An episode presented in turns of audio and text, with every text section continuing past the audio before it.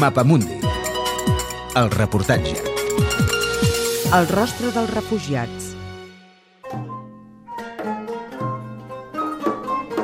Per primera vegada des de la Segona Guerra Mundial, l'any passat es va superar al món la xifra dels 50 milions de refugiats, segons les Nacions Unides. L'important augment del nombre de refugiats té a veure, sobretot, amb la guerra a Síria, que ha obligat 3 milions de persones a fugir del país. L'exposició del fotògraf nord-americà Brian Sokol, que es pot veure fins al febrer al Caixa Fòrum de Barcelona, pretén sensibilitzar la població sobre aquest fenomen i ho fa fugint de les xifres i posant rostre als refugiats. Els mitjans i les agències humanitàries acostumen a utilitzar números per cridar l'atenció sobre la importància de les coses. Això és correcte, però si no pots connectar aquests números a persones, la xifra no significa res.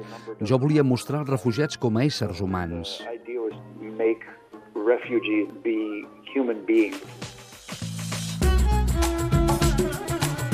Són 24 fotografies on refugiats del Sudan del Sud, la República Centrafricana, Mali i Síria ensenyen el que van decidir emportar-se. Omar, 37 anys, va fugir de Damasc amb la dona i els fills de nit que els seus veïns van ser assassinats, esquarterats i abandonats al mig del carrer. Va decidir emportar-se com a única cosa el seu busuc, una mena de guitarra que li serveix per alleujar les penes.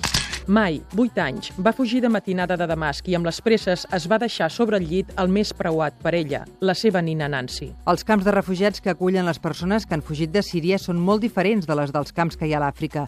Rosa Otero és la portaveu a Espanya de l'ACNUR, l'agència de les Nacions Unides que s'ocupa dels refugiats. Són persones que vivían en ciudades que eran pues como nosotros, que tenían su trabajo, tenían una vida cómoda, normal, y de repente de la noche a la mañana pues se ven obligados a, a dejarlo todo, con lo cual también sus necesidades son diferentes a, a, las de otras regiones, a lo mejor en África. En cambio, en el caso de los sirios, pues tienen necesidades como puede ser simplemente el, el haber huido, el haber huido con su móvil y que su primera intención sea pues contactar con sus familiares a través del móvil y que necesiten un espacio para poder cargar baterías. L'exposició també mostra rostres africans. Maria, 10 anys. Va haver de fugir cap al Sudan del Sud en un viatge de 3 mesos caminant, en què va contraure la malària. El més important que es va endur és el dipòsit d'aigua, que li va permetre sobreviure. Jean-Baptiste, 45 anys. La seva possessió més important és el carnet d'identitat de la República Centrafricana.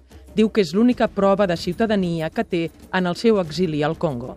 Doula, 22 anys. Va marxar de casa seva amb els seus sis fills arran dels bombardejos contra el seu poble, el Nil Blau. El més important que es va poder emportar va ser un pal de fusta que balanceja damunt les espatlles amb un cistell i que li va permetre carregar els seus nens durant els 10 dies que va durar el viatge a peu fins al campament de refugiats de Maban, al Sudan del Sud. Els camps de refugiats a l'Àfrica tenen unes particularitats específiques. En Àfrica són pues, persones más pues, pastores o personas que se dedican a la transhumancia, que se dedican más al cuidado del campo y que a lo mejor tienen esa serie de, de, necesidades. De hecho, cuando llegan a un campo, pues hay que tener en cuenta pues dónde colocar el, el, rebaño o que puedan tener pues un espacio para poder cultivar, también tener en cuenta pues el consumo de agua que tienen. Malgrat les diferències que hi pugui haver entre les persones refugiades dels diversos països, totes tenen un tret en comú.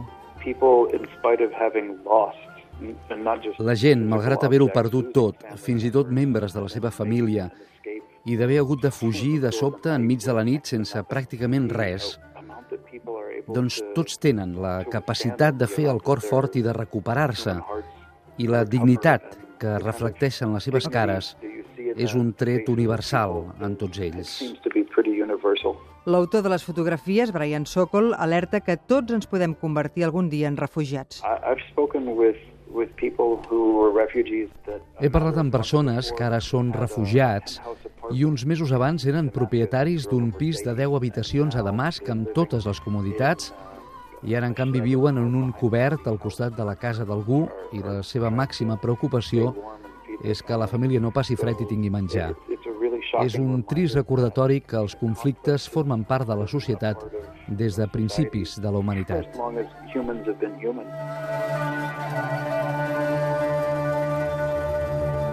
És un reportatge de Mireia Sala amb muntatge musical de Jordi Galbany.